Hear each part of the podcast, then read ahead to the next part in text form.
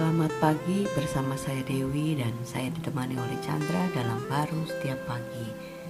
Setiap orang kan ingin maju ya, ingin terus belajar dan uh, ada seorang Nikodemus yaitu seorang pemimpin agama yang seharusnya sudah uh, tahu semuanya. Nah, dia bertemu dengan Yesus, dia ingin juga untuk uh, belajar lagi. Tetapi apa yang ditanya dengan di, dijawaban dari Yesus itu membuat dia jadi tambah heran juga gitu kan. Dalam Yohanes 3 ayat 6 dikatakan jawaban Yesus apa yang dilahirkan dari daging adalah daging dan apa yang dilahirkan dari roh adalah roh. Wah, kayak pertanyaannya Nikodemus dengan jawabannya Yesus tuh jadi kayak berbeda banget gitu kan. Iya, karena dia berpikir kan belajar dari orang yang berpengalaman biasanya kan dikasih tahu apa yang you harus lakukan. Baru kamu bisa uh, menjadi seperti yang uh, dia atau setidaknya lebih baik daripada sebelumnya gitu. Tapi yang uh, dia sebutkan ini uh, bahwa kalau kamu mau uh, yang seperti saya lakukan you harus lahir baru. Uh, karena ini berbicaranya bukan uh, uh, you bisa Nah, tapi satu kehidupan baru ya kan? Kalau e, misalnya ulat you ajarin ulat ya sejauh ulat.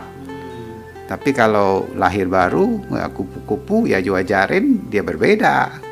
Nah, sejauh kupu-kupu itu.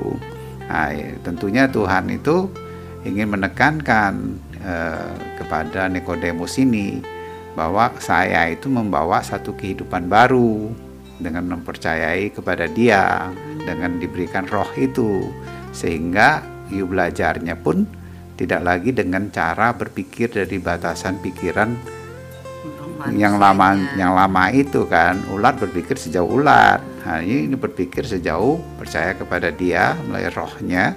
Ya dibukakan terus dalam perjalanannya sehingga ya ekspresinya pun sejauh roh itu yang bekerja dalam hidup dia Nah, itu uh, sebenarnya inti yang uh, Tuhan ingin sampaikan kepada Nikodemus.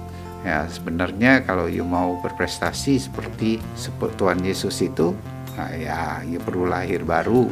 Dan kita tahu bahwa kita ini uh, menerima Tuhan Yesus itu suatu kelahiran baru, bukan menunggu mati baru mengalami kehidupan baru itu tapi sebenarnya sudah punya kehidupan baru hidup dia kekekalan dia. Nah di situlah kita baru bisa mengekspresikan akan kehidupan itu di dalam hidup kita.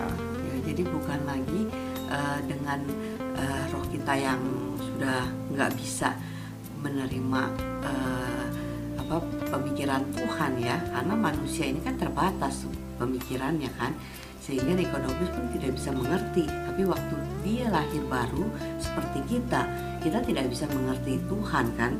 Makanya Tuhan berikan rohnya sehingga kita bisa mengerti apa yang diberikan oleh Tuhan itu dalam hidup kita di dalam hidup baru itu kan? Iya kalau uh, tanpa hidup itu ya kita uh, ya, uh, ya sangat terbatas di bawah uh, apa uh, dosa dan kematian kan? Hmm tapi kalau di hidupnya Tuhan itu pembenaran dia dengan kehidupan kekal dia kan sehingga kita bisa sangat berbeda e, cara berpikirnya bukan lagi sejauh kita dengan kekuatan kita tapi percaya kepada Kristus dengan hidupnya dia kita bisa mengalami perjalanan hidup yang sangat penuh dan melimpah e, dengan rasa yang enak dan ringan ya di dalam segala situasi kondisi yang ada. 阿妹，